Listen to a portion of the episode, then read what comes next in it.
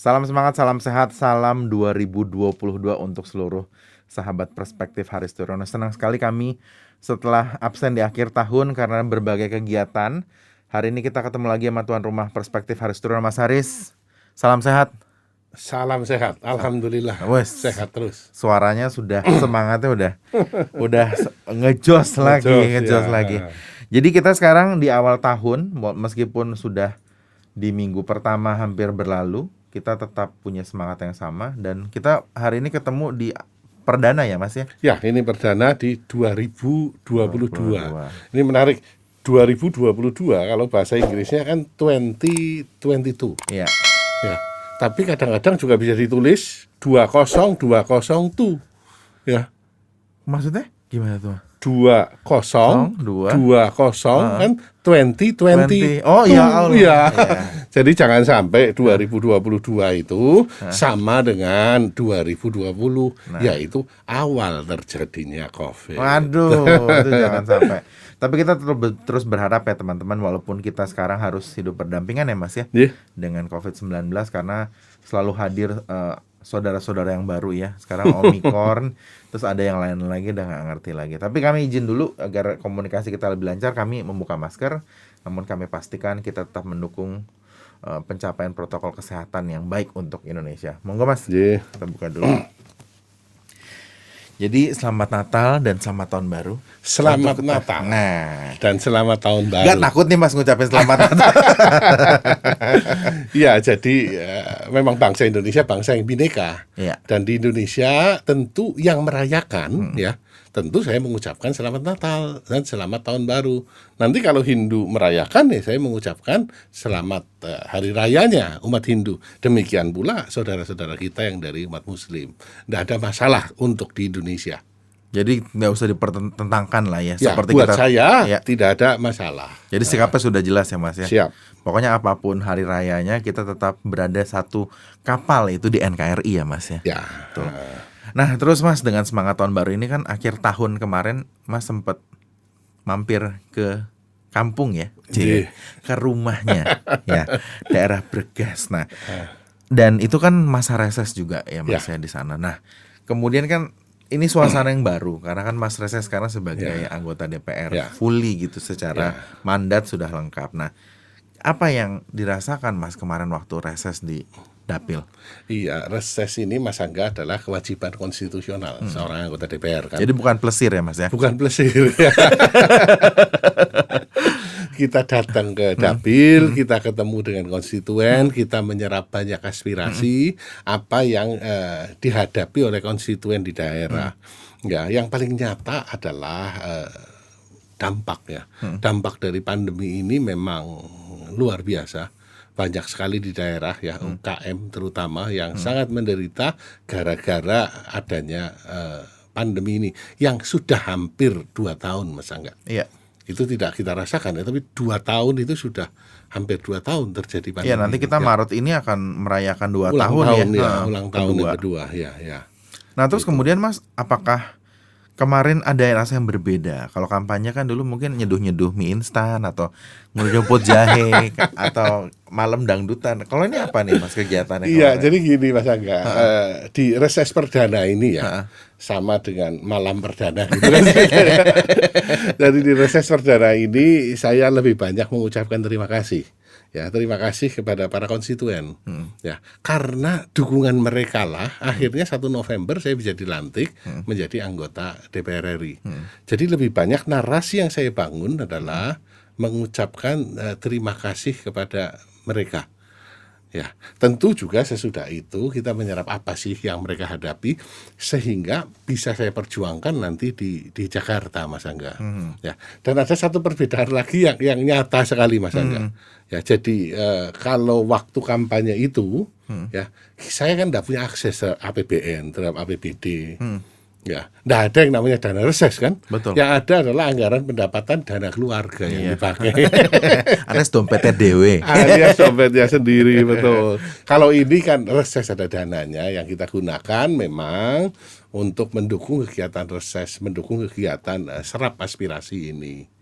Jadi Ya. secara teknis ada persenjataan lah ya, ada Ya. ada logistik yang akhirnya bisa membantu juga akhirnya aspirasi itu bisa terangkum. Betul, betul. Meskipun nih teman-teman sebenarnya saya janjian sama Mas Haris ngomongin apa aspirasi itu di akhir dialog, cuman kayaknya nggak sabar saya pengen dengar sebetulnya. Tentu kan Mas di beberapa wilayah tersebut mereka punya spesifik ya, ada Ya. keinginan gitu, Ya. keinginan ataupun sebetul bukan keinginan, tapi aspirasi yang di, berangkat dari eh, masalah yang mungkin mereka dapat. Ya. Apa sih Mas sebetulnya pesan utama yang teman-teman di daerah sampaikan? Iya, katakan seperti saya ambil contoh di Kabupaten Brebes, Mas Angga ya. Hmm. Ada satu keinginan yang sangat kuat ya Hmm. dari eh, masyarakat di Brebes Selatan. Hmm. Ya, itu sebenarnya ada dua di sana, Mas Angga. Yang pertama adalah mereka ingin merdeka. Merdeka nih nggak separatis Mas, merdeka dalam arti ya, mekar, Mas Angga. punya otonomi ya, Ya, berarti. eh, menjadi satu kabupaten tersendiri di Brebes Selatan. Ya, secara logis ya, kalau kita lihat secara geografis, memang wilayahnya terpisah dengan Brebes Utara. Ya, terpisah cukup jauh. Jadi kalau mau ke Brebes Selatan itu harus lewat Kota Tegal, lewat Kabupaten Tegal, baru sampai ke Brebes Selatan. Jadi secara geografis terpisah. Ya. Yang kedua, bagaimana secara demografis? Secara demografis juga sebenarnya sangat layak untuk eh, dimekarkan. Karena Kabupaten Brebes saat ini existing adalah kabupaten yang terbesar dari jumlah penduduk di Jawa Tengah. Ya, ini menjadi eh, menarik ya karena sangat jauh dari pusat kekuasaan yaitu di Brebes Utara di Pantura. Maka teman-teman di selatan merasa ya tentu kalau jauh ya Kurang diperhatikan. kurang diperhatikan ya. Dan saya ketemu dengan beberapa tokoh masyarakat, para pelaku bisnis di selatan, ya. Temuannya menarik, Mas Angga, yaitu bahwa transaksi bisnis di wilayah selatan saja itu sudah cukup sebenarnya eh, besar ya untuk menjadi sebuah kabupaten tersendiri. Nah, tapi persoalannya adalah sampai saat ini kebijakan pemekaran kan masih moratorium. Betul. Ya, tapi saya punya komitmen dengan rekan-rekan di selatan bahwa kalau memang nantinya sudah dimungkinkan secara undang-undang, ya, saya akan mendukung untuk Brebes Selatan menjadi satu kabupaten tersendiri dengan pertimbangan itu. Ya, itu eh, di selatan Mas Angga. Ada satu lagi sebenarnya Mas Angga, yaitu adanya jembatan layang. Ya, jembatan layang kalau Mas Angga lihat ya, itu turunannya sangat curam. Ya, Nama di daerah Pakuyangan. layang. Oh, daerah Pakuyangan. Daerah Pakuyangan kemudian turun ke masuk ke Bumi Ayu itu.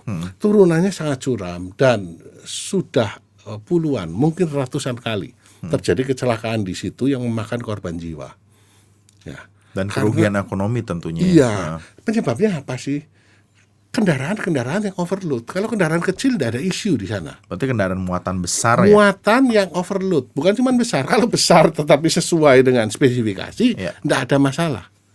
Ya, ini muatan-muatan yang overload sudah eh, besar tidak sesuai spek. Jadi nah itu kalau turun begitu ada gangguan di rem selesai Mas Angga. tamat lah ya. Tamat dia bisa nabrak rumah, dia bisa nabrak eh, Kendaraan lain kendaraan lain. atau bahkan korban jiwa Iya. langsung yang ditabrak. Jadi eh, jalur penyelamatan memang sudah ada, tetapi ya eh, tidak terlalu efektif ya. Nah ini menjadi satu isu yang eh, paling sering diangkat ketika saya datang ke Brebes Selatan. Ya, karena apa Mas Angga? Korbannya, ya, sehingga eh, harapannya penyelesaian secara temporer sebenarnya bisa, yaitu kendaraan berat tidak boleh lewat flyover. Ini kan kebijakan ini sebenarnya ada di eh, lalu lintas, di kepolisian. Tegakkan saja. Berkali-kali eh, tokoh-tokoh masyarakat di selatan sudah sudah mengangkat isu ini sampai ke Gubernur Jawa Tengah, ya sampai ke Korlantas. Ya. Ya tapi belum ada realisasi yang yang clear. Ya itu eh, isu sementaranya ya, solusi sementara. Nah, solusi jangka panjangnya tentu dibikin ring road Mas Angga. Nah, saya juga punya komitmen bahwa isu ini ya akan diangkat ya. Tentu ini bukan eh, bagiannya Komisi 6 saya. Tapi isu ini akan menjadi isu yang strategis ya demi masyarakat di selatan. Kan tidak enak kalau bolak-balik kecelakaan, bolak-balik orang meninggal di sana. Jadi angker juga tuh tempat Iya, lama-lama. ya. angker. Nah, itu di eh, wilayah eh, selatan Mas Ya. Angga. Di Brebes Utara misalkan, apa sih isu yang paling sering dihadapi? Adalah pupuk. Di Brebes Utara kan pertanian dan perikanan.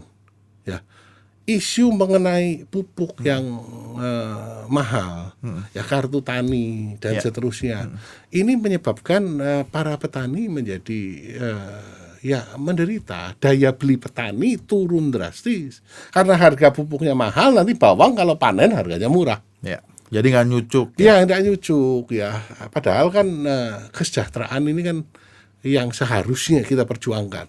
Sampai-sampai Mas Angga, eh, Kabupaten Brebes terkenal sebagai kabupaten yang banyak daerahnya, kelurahan-kelurahannya termasuk dalam kategori kemiskinan ekstrim istilahnya.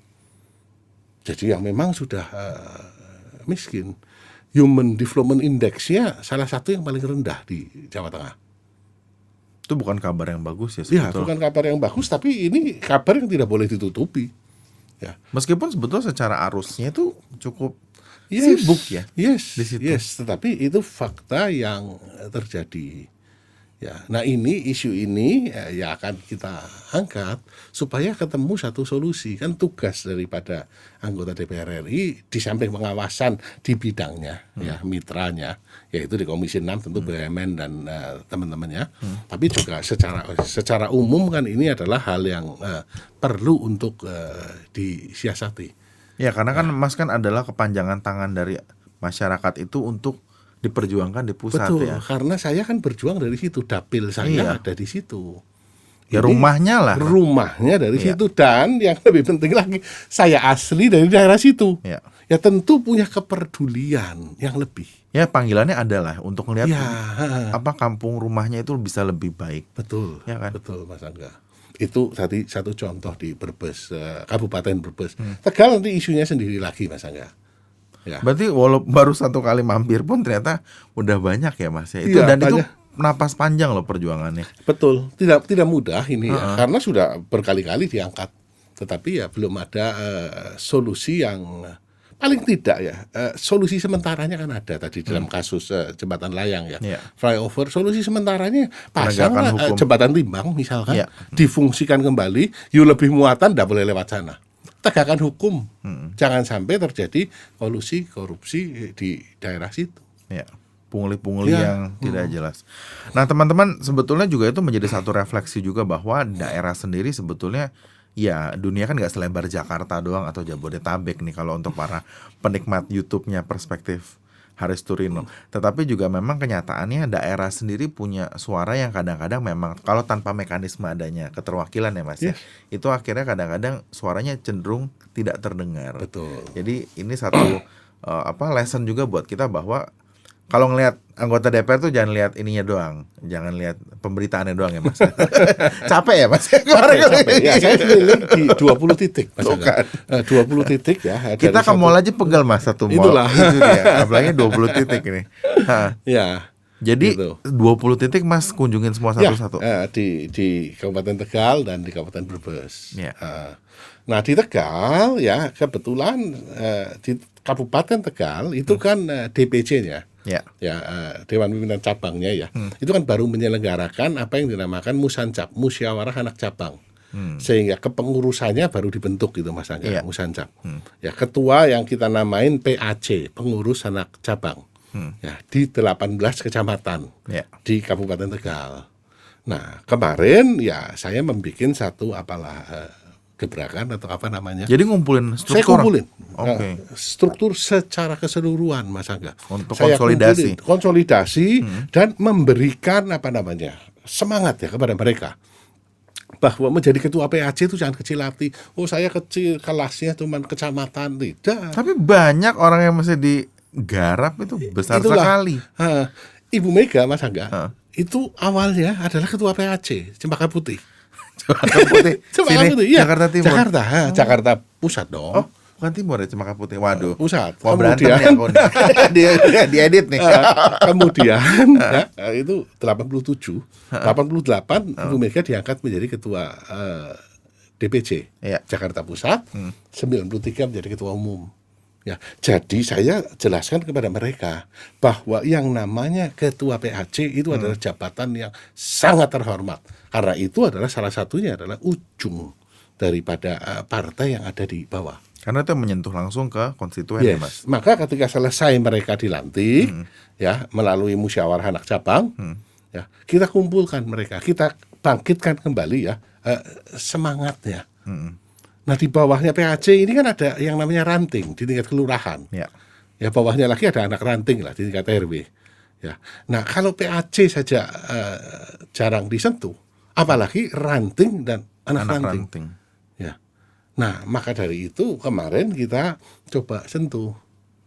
Untuk itu supaya spiritnya, Mas Angga.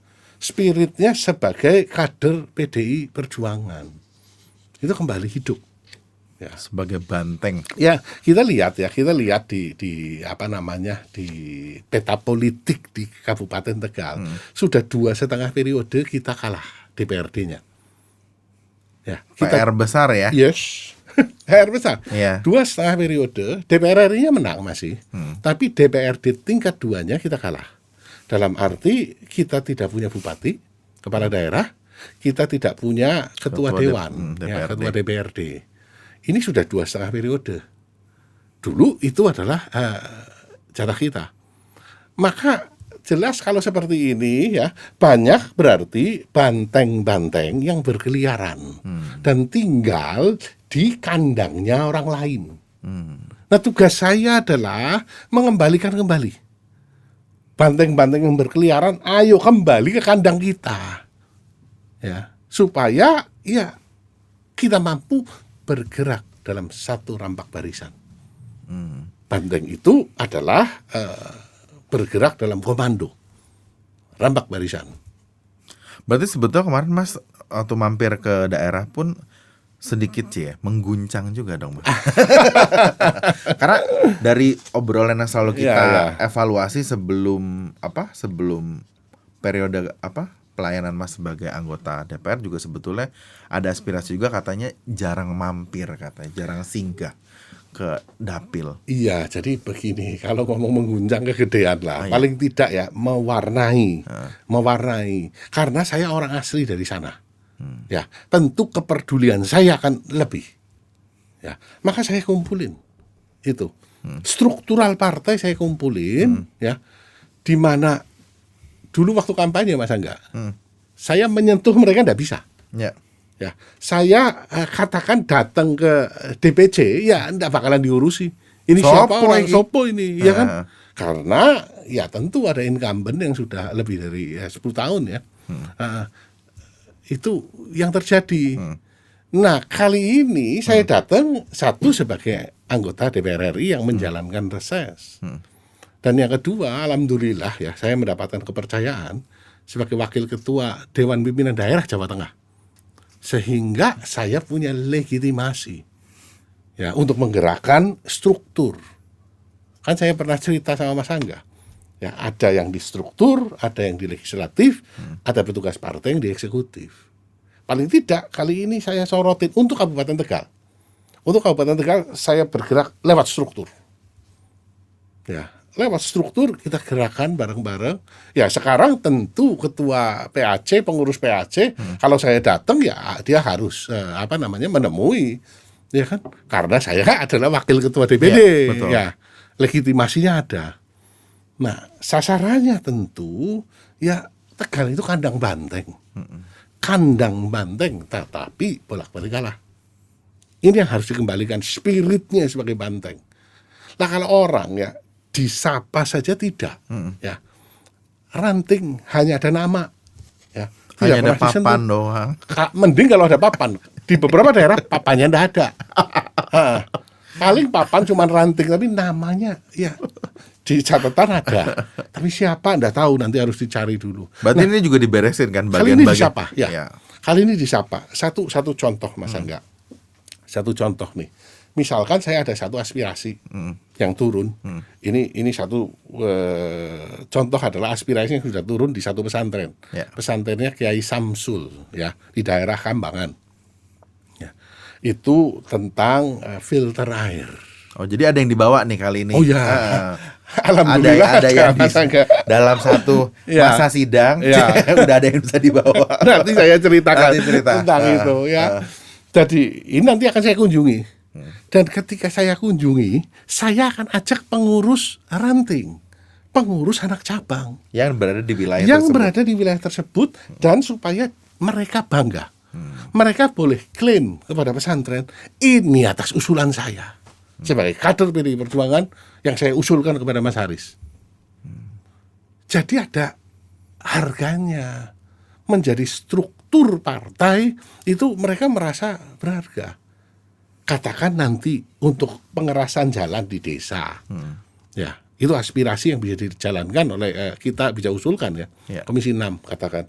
Nah nanti pada saat peresmian ya saya minta bukan cuma kepala desanya, tetapi kepala desa eh, PAC ranting yang mengatakan bahwa kami warga desa, kami adalah pengurus PDI Perjuangan, ya, mengucapkan terima kasih, sehingga berharga, Mas Aga. Nah, semangat semangat seperti itu harus dibangkitkan. Wong mereka toh tidak dibayar selama ini, Itu dia. menjadi struktur partai tidak dibayar Bahkan keluar uang kadang. bahkan keluar uang ya kenapa tidak dikasih satu porsi di mana mereka merasa mereka adalah orang terhormat mereka adalah kader terbaik PDI Perjuangan yang sudah memperjuangkan untuk rakyat di wilayahnya Ditambah dia menciptakan solusi. yes Iya kan? itu mas Angga Berbicara solusi jadi apa yang dibawa, Mas? Asik. Nah, karena kalau cuma cerita nih orang juga bilang, "Opo, Mas? Kau cerita, Asik. kau cuma ngomong doang gitu. Apa nih? Ya, Sebab jadi apa yang dibawa aspirasi apa yang dibawa Mas itulah? Itulah, Mas Aga. Hah? Jadi saya akan menggantikan ya Bapak Prakoso yang kemudian dilantik menjadi duta besar Indonesia di Italia. Hmm. Ya, ini kan di penghujung tahun. Oh, tiris ya budgetnya. ya. Ya, sudah habis. ya, semua budget aspirasi tentu sudah dianggarkan Di oleh awal sebelumnya tahun, di iya. awal tahun oleh eh, Incumbent lah. incumbent Incumbent sebelumnya, waktu itu. ya kan. Sehingga eh, praktis sebenarnya sudah tidak ada dana-dana ataupun aspirasi-aspirasi yang saya bisa bawa ke dapil. Cukup kabar geledek ya itu ya karena nggak ada. Ya cuma kan lucu ya kalau anggota DPR RI datang ke sana tidak membawa aspirasi apa-apa. Hmm. Saya pikir ya alhamdulillah kembali Mas Angga. Hmm. Dengan network saya saya miliki ya. Nah, sebelumnya kan eh, saya menjadi eh, pengajar ya di eh, beberapa perguruan tinggi yang punya akses Hmm. terhadap direksi-direksi di BUMN. Hmm. Ya, ya saya eh, apa sih yang kita bisa bantu? Saya tidak minta satu perak pun untuk diri saya. Catat ya teman-teman ya. Hmm. Tuh. Ya, ya saya tidak minta. Nah, Nah, saya hanya minta aspirasi untuk dapil. Ya, dan alhamdulillah kita dapat support yang luar biasa. Ya, ada dua pesantren yang mendapatkan filter air. Filter air itu dari air sungai, ya, disedot, ya, keluarannya adalah air minum. jadi air siap minum. Yes, air eh, layak minum. Oke. Nah, dan bukan ukuran kecil filter-filter rumah tangga tidak ini industrial size. Ya, ukuran industri yang bahkan bisa digunakan untuk isi ulang. Oh, berarti bisa jadi peluang bisnis juga. Iya, kalau Peluang usaha untuk untuk, bisa- isi ulang Iya. ya. Nah, di pesantren itu isu terbesarnya adalah kekurangan air. Ya, air minum. Nah, maka eh, berdasarkan telusur itu, oke saya minta ini aja. Dan eh, dipasangkan ya. Nah, di situ sampai kiainya ya eh, bolak-balik telepon saya dan menanyakan, Mas Haris, saya harus bayar berapa? untuk mesin ini. Nggak murah loh Mas Aga. Pasti. Harganya kira-kira hampir 100 loh. Hmm. Nah saya ngomong Pak Kiai gratis. Lu nanti ongkos masangnya gratis. Pak Kiai tinggal tentukan mau dipasang di mana. Ya, ini adalah wujud aspirasi kepedulian saya sebagai anggota DPR RI dari Dapil Jawa Tengah 9 di Kabupaten Tegal, Kota Tegal dan Kabupaten Brebes. Ya, enggak bayar. Itu sudah terpasang dua biji. Ya, juga sembako. Nah, sembako juga kita berikan pada satu yayasan di Tegal dan satu yayasan di eh, Brebes. Ya. Karena daya beli masyarakat Ya. juga lagi kurang bagus ya Mas. kan? Betul. Dan penyerahannya saya serahkan kepada eh, pengurus yayasan ya eh, di Masjid Agung, baik itu Rohim di Bumi Ayu saat itu. Nah, memang ya itulah kepedulian ya. Jadi harapannya ya anggota DPR itu ada gunanya. Jangan cuma rapat doang ya, Mas. jangan cuman rapat doang, tetapi ada gunanya buat konstituen. Dan pengembangan dapil terutama. pengembangan eh, pengembangan dapil di sana Mas Angga. Ya, dan masih ada beberapa aspirasi yang lain yang ongoing proses ya. Yang harapannya Januari ini realisasi Amin. ya. Dan tidak melihat Mas Angga apakah ini untuk apa namanya agamanya apa dan segala macam tidak tidak ada perbedaan itu. Ya. Kita serahkan untuk yang membutuhkan. Saya ini komplain di salah satu grup WA, Mas kok ke sana terus? Hmm. Nah, saya jawab yang lebih membutuhkan. Hmm. Tapi bukan berarti Mas tutup mata Oh kan? tidak, tidak ya. Tentu kan tutup tetap, mata. hmm. tetap, tetap semua yang memang membutuhkan ya dan bisa saya akses. Kalau mintanya dibikinin bendungan ya nggak bisa. Ya itu mesti minta Ya. Pak Menteri ya. Ya, Pak, itu Pak kelasnya. Basuki itu. Itu kelasnya adalah Nasional. menteri ya, PUPR. Eh, tapi kan eh, ya di dalam batas kewenangan saya saya bisa perjuangkan ya seperti itu Mas Angga. Berarti sebetulnya nanti ke depannya Mas Haris punya komitmen yang sama ya untuk terus memperjuangkan juga suara-suara di dapil ya Mas ya. Ya. Melalui serangkaian program yang mungkin bisa di link and match ya Yes. dengan kebutuhan di daerah. Iya. Nah, terus Mas selain misi untuk bertemu konstituen secara teknis ya sebagai fungsi Mas sebagai perwakilan Hmm. Dapil Jawa Tengah 9, ada juga pesan dari Ibu Puan Maharani Oh. yang disampaikan melalui eh, satu program gitu Yes. Hmm. Mas. Nah, sebetulnya apa sih program yang mau disampaikan Ibu Puan ke masyarakat itu? Iya, jadi gini, ya, Mbak Puan ini posisinya kan sebagai ketua DPR RI, Hmm. sekaligus sebagai pembina fraksi PDI Perjuangan. Iya. Ya, Eh, beliau melihat keprihatinan ya yang terjadi di masyarakat yang terdampak dengan COVID. Ya, maka dari itu eh, Mbak Puan memberikan eh, bantuan berupa 2000 paket beras yang didistribusikan kepada masing-masing anggota DPR RI dari fraksi PD Perjuangan. Berarti per satu anggota, Per satu anggota 2000 paket beras premium isi 5 kilo. oke. Ya. Eh, diserahkan kepada siapa? Kepada eh, struktur partai, kepada masyarakat. Ya, yang membutuhkan di dapilnya masing-masing. Hmm.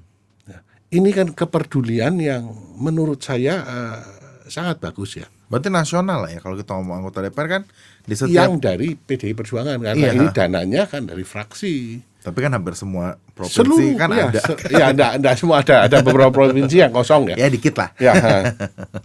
Tapi eh, seperti itu ya. Pesan apa yang mau disampaikan secara khusus? Mas? Apakah hanya apakah ini sebagai satu bentuk apa ya? Ya kita nih nggak nggak tutup telinga lah. Kita nggak nggak bukan apa menutup diri untuk bahwa problemnya sebetulnya ada dua tahun pandemi ini Ya. ekonomi susah gitu. Hmm. Terus ada pesan lain nggak sih mas yang disampaikan Mbak Puan kepada Ini Mas masyarakat? Angga mau mancing pesan apa pesan apanya dah. Jadi itu, nah sekalian di sekalian Hmm, diklarifikasi nih mas, karena kan orang kan selalu memikir jangan ini sosialisasi loh itu atau apa? Dah, dah. Kalau eh, pemilu masih panjang, Mas Angga. 2024. Ya, pesannya murni pesan kemanusiaan. Ya. Karena dia juga nggak nongol di setiap daerah Iya, juga kan ya mas ya? PDI itu Iya kan? partainya wong cilik ya. Banyak sekali wong cilik yang menderita eh, gara-gara adanya pandemi ini. Wong sebelum pandemi saja hidupnya tidak bagus apalagi ada pandemi. Jadi message-nya adalah message kemanusiaan. Ini yang benar-benar diangkat kepedulian ya Iya. karena disadari Mas Angga ya PDI sebagai partainya wong cilik pasti akan ditinggalkan oleh konstituennya apabila PDI Perjuangan tidak peduli terhadap penderitaan yang dihadapi oleh konstituennya. Jadi terlepas dari opini publik yang sebetulnya sempat dibenturkan bahwa ini adalah satu bentuk upaya curi start lebih awal ya, mestinya kita bisa katakan bahwa ya udahlah itu terserah masyarakat minat tetapi pada akhirnya kan kerja nyatanya ya Mas. ya, Iya, kerja yang nyatanya. Kalau menurut saya ya, orang yang tidak setuju, ya, ayo mendingan bareng-bareng. Ngapain sih gitu? nah, silakan jenengan juga bagi eh, bagi beras, Iya. bagi sembako untuk konstituennya. Mau dipasang fotonya Angga, nggih, monggo. Iya. Ya mau dipasang fotonya yang lain, eh, silahkan. Ya, tetapi untuk rakyat sehingga rakyat yang akan eh, terbantu, Mas Angga. Tetapi ini satu bukti yang sebetulnya saya mau kasih catatan juga bisa setuju atau enggak tapi bahwa akhirnya mobilisasi ini berarti berjalan gitu. Karena kan butuh satu satu apa ya Mas? Memobilisasi itu kan nggak cuma bisa cuma perintah toh Mas. Itulah. Itu kan. itulah banteng. Iya kan? Ya, PDI Perjuangan itu kan banteng. Barisan banteng itu bergerak dalam satu rampak barisan, bergerak dalam komando.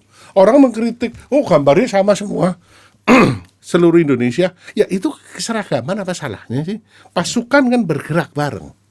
Ya, yang penting adalah message-nya sampai bahwa ini bantuan kepada masyarakat yang membutuhkan ya dan eh, semoga masyarakat tetap bisa sehat.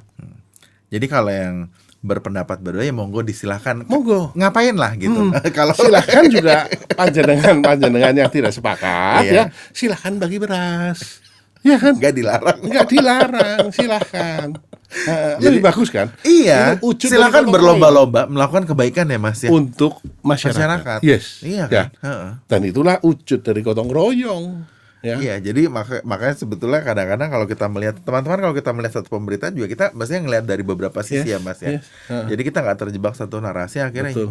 Daripada capek gitu dan akhirnya pembuktian juga bahwa akhirnya komandonya berjalan nih. Ya. Kalau pemimpin yang tidak bisa memberikan komando itu justru kita pertanyakan ya itu Iya. benar pemimpin nggak? Ah, atau cuma titipan Ya, ya, gitu. ya, ya. Nah terus Mas akhirnya sempat ketemu siapa lagi Mas di dapil Mas kemarin? Iya, di saya luar di luar ini ya. aktivitas struktur, di Ya. luar urusan partai apa Mas? Jadi saya mengunjungi satu pabrik gula ya, pabrik gula di Pangkah ya. Ini pabrik gula, wah tadinya itu hebat sekali. Saya masih ingat Mas Angga, ketika saya SD itu anak-anaknya pabrik gula Pangkah itu orang-orang hebat itu, yang sekolahnya di eh, SD Pius Tegal. Ya, itu sekolah mahal saat itu Elit lah ya. elit Ya. dan eh, berangkatnya itu pakai bus Eh, mewah itu busnya pabrik gula Eh, dianterin saya sering nebeng bis itu supaya apa ndak bayar Nah itu baru mulai bayar nggak nebeng? Nah, gratis karena kan teman sekolah juga kan Nah, Sekalian diangkut ya. iyalah, alasannya ada lah anak kecil kan Ya, ya, duitnya ya. ketinggalan Ya, whatever. ya. ya itu sering nebeng eh, ke Tegal itu dulu adalah eh, di masa-masa jayanya Hmm. nah sekarang eh, sudah berhenti beroperasi dua tahun Baru dua tahun ini berhenti. berhenti beroperasi ya Nggak ada tebunya atau nggak ada mesinnya atau Iya, nggak itu ada dia. permintaannya? Jadi dari sisi eh, on farmnya ya sudah jauh dibandingkan dulu. Dulu eh, pabrik gula Pangkah menguasai lahan 1.500 hektar. Ya, mereka menguasai lahan, petani mengerjakan zaman itu. Sekarang tidak ada penguasaan lahan. Lahan adalah dari petani sendiri. Ya, dan jumlahnya sangat-sangat terbatas dan karena tidak dikuasai oleh pabrik gula maka petani bebas menjual kepada siapa saja dan celakanya harganya murah. Ya, akibatnya apa? Petani yang nanam tebu tidak sejahtera. Mereka milih nanam tanaman yang lain. Ya, bahan bakunya tidak ada. Dan seperti kata presiden, bahwa mesin-mesin di pabrik gula itu mesin zaman Belanda. Ya. Efisiensinya sangat rendah. Rendah. Akhirnya rendemennya rendah, kosnya tinggi. Akibatnya adalah ya kita tahu harga eh, gula Lokal. dalam negeri Hmm. lokal lebih, Lebih mahal, mahal daripada harga gula impor. gula impor. Nah, tetapi kan eh, ini perlu ditangani kan. Hmm. Nah, kita sudah melakukan eh, FGD ya waktu itu dengan eh, PT PN 3 sebagai holding Hmm. untuk merevitalisasi gula ini. Harapannya adalah kita bisa swasembada gula sehingga banyak pabrik direvitalisasi. Pabrik gula rencananya akan direvitalisasi 2023 2024. Karena kasihan lahan seluas itu di daerah strategis angka jadi barang juga berhenti ya sudah dua tahun orang nganggur. Nah saya nanya apakah panjenengan masih digaji? Oh ya digaji. tapi ya, apa namanya mundur. Hmm, kalau ingat digaji mundur Jadi ada utang, jadi ada gaji yang nggak kebayar Ya. sebetulnya. dan ada 600 orang di sana. Gak sedikit loh itu. Ya. Berapa kepala keluarga itu? Belum kalau dihitung petaninya. Wah, Ya. ribuan ini. Ini ribuan, kan kasihan ini kesejahteraan masyarakat, masa enggak? Ya makanya saya peduli untuk datang. Ya melihat karena kasus isu yang yang eh, sebelumnya pernah saya angkat di FGD, di RDP juga. Yaitu bahwa eh, karyawan-karyawan dari PTPN 11 ya yang pensiun Pensiunnya. 2018 2021 itu eh, simpanan Haknya. hari tuanya belum Haknya belum dibayarkan. direalisasikan ya. Ya, tapi setelah saya melihat ke sana, ya itu jadi satu hal yang eh, lebih memprihatinkan lagi. Ya, wong yang masih bekerja saja gajiannya telat. Apa kabar yang pensiun? Ya, maka ini tentu perlulah. Kalau memang akan direvitalisasi ya, tentu eh, membutuhkan dana yang tidak sedikit. Dan komitmen kepanjang itu mas. Yes. Karena kan kalau ganti mesin ada investasinya, kalau nggak dipastikan ada permintaan ataupun Ya. sinergi di rantai pasok, Ya. rugi Tapi besar ada temuan itu. yang menarik Mas. Apa nih? ada temuan yang menarik. Apa lagi nih, Mas? Ketika saya ngomong sama sama manajer pabriknya ya. Hmm. eh, jadi apakah mesinnya akan di- diganti total ya? Atau di Sehingga sehingga eh, pakai mesin dengan teknologi baru. Hmm. Ya. Eh, mereka menjawabnya begini, Paris, eh, pabrik gula ini bahan bakunya tebu. Kalau tebunya tidak ada, ya apa yang mau diproduksi dengan mesin yang paling bagus? Sehingga harus ditata mulai dari tebu. Jadi pertaniannya dulu Ya, yang mesti on dirapin. farmnya dulu ditata, Hmm. ya, baru masuk ke off farm. Dan kalau on, on farmnya ditata, ya, sebenarnya kalau on farmnya saja ditata dengan mesin yang ada, Hmm. itu bisa produksi, bisa jalan lagi. bisa jalan, ya, dengan banyak efisiensi yang mereka komitmen lakukan, Hmm. ya. Nah kalau ini kemudian diganti mesinnya yang baru, nanti jangan-jangan 1.500 hektar katakan, ya, ini mesin hanya cukup kerja dua hari, yang 28 hari nganggur. Iya, dilap-lap aja. Ya karena karena kapasitinya gede sekali. Iya, betul. Nah ini juga jadi satu tantangan ya. Isu ini nanti pada saat eh, kesempatan ya RDP ataupun eh, FGD dengan PTPN, ya eh, saya akan bawa isu ini. Harapannya adalah paling tidak PG Pangkah ya, pabrik gula Pangkah bisa dimasukkan ke dalam prioritas Iya. ya supaya bisa mulai lagi disiapkan revitalisasi ada anggarannya eh, dan berproduksi di 2023. Soalnya masalah gula ini eh, panjang sekali ya karena ketergantungan kita terhadap importnya masih sangat tinggi. Meskipun sebetulnya pelaku usaha pengen ya kalau misal memang harga bersaing lokal mereka nggak masalah untuk ambil. Ya, ya, Tapi kalau ada yang lebih murah ya kita sebagai berpihak secara berimbang ya kadang-kadang ya juga untuk bisa efisiensi Betul. terpaksa pilih yang lebih efisien tentunya kan mas. Ya ini menjadi satu ini ya menjadi satu ya dilematis ya. Iya. Apakah kita akan import Ya. atau eh, lokal? Tapi menurut saya eh, kedaulatan pangan Betul. adalah cita-cita yang luhur. Ini perlu didukung. Betul. Apabila dilakukan revitalisasi kita tidak lebih mahal kok. Nah itu yang kita tunggu mas karena juga pasti pelaku usaha yang menggunakan gula dalam skala besar Iya. pun menunggu itu sih mas. Ya. Nah itu tadi eh, pabrik gula Mas Angga Hmm. ya. Saya juga ketemu eh, sebagian warga ya Hmm. yang di jalan eh, apa eh, Zainal Arifin di Tegal. Ya, mereka itu meninggali lahan yang diklaim sebagai milik PT Kereta Api Indonesia. Aduh sengketa lahan lagi ya. Sengketa lahan. Mas Ya. liraku mas. Eh, mereka sudah digusur sekarang. Sudah digusur ya. Heeh. Nah, ada beberapa rumah yang digusur. Nah, eh, warganya menyadari kok. Saya tinggal di Numpang tanah ya, orang. numpang tanah orang tanpa alas hak. Ya. Ya, tapi sudah puluhan tahun. Terasa memiliki. Iya, sudah puluhan tahun. Maka ketika saya digusur, paling tidaklah bangunannya diganti. Permintaannya simpel kok sebenarnya. Bangunannya diganti. Lah dasar penggantiannya apa? Ya tentu dari PBB aja, sudah gampang kan? PBB mengatakan berapa sih harga bangunan. Nah dari situ aja diganti. Paling tidak ini membantu warga. Hah, ada di sana warung makan pian yang saya sering cerita. Hah, kena gusur? Tergusur, ya. Waduh, pindah ke mana mas? Geser. Oke, saya. ya sekarang lebih lebih besar. Karena ya. kan itu itu Tetapi, kan ya, national heritage tuh. National heritage Eh. ya.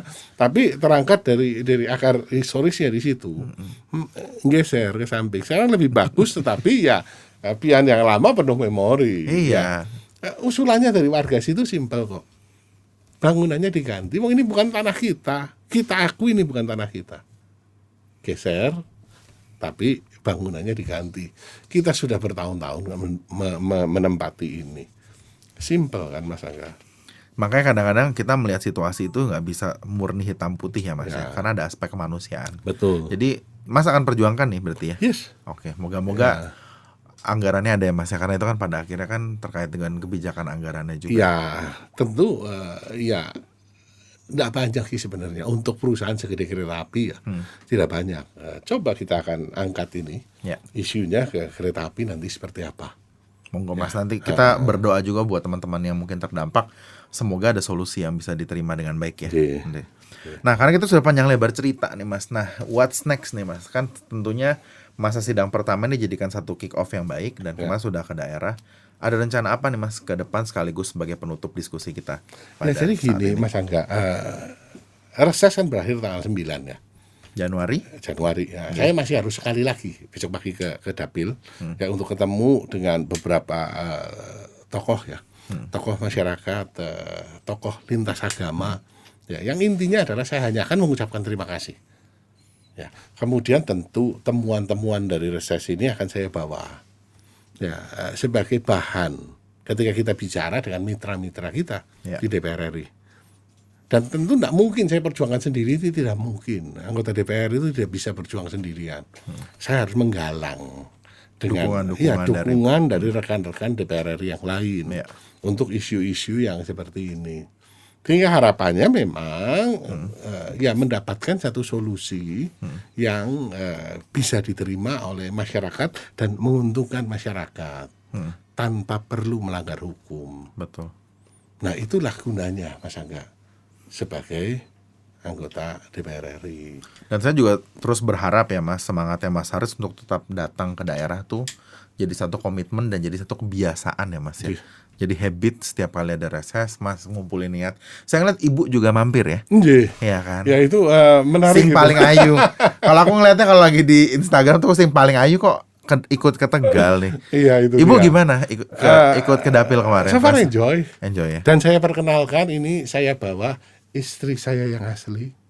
Dan satu-satunya dan Dan satu-satunya mereka ketawa selalu ya. Dan satu-satunya ya. Eh, Jadi eh, apa namanya? Memang eh, Ibu Mega memberikan arahan ya. Hmm.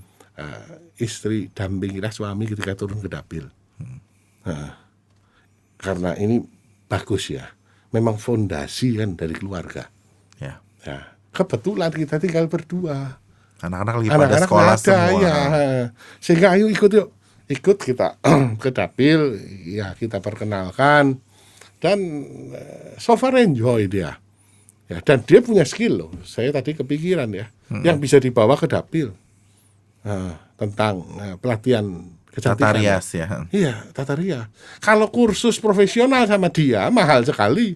Jangan dicari, jangan di Iya, googling lah. eh, Gak usah jangan di, jangan di googling lah, nggak enak ya mas ya. Iya. Hah? Nah, tapi kita berikan pelatihan gratis kepada di daerah. Ya. Dan itu juga transfer knowledge ya mas. Ya, standarnya ibu Iya. kota, standar Yes. nasional, Yes. kita bawa ke dapil. Yes. Dan itu bisa menciptakan lapangan kerja di daerah.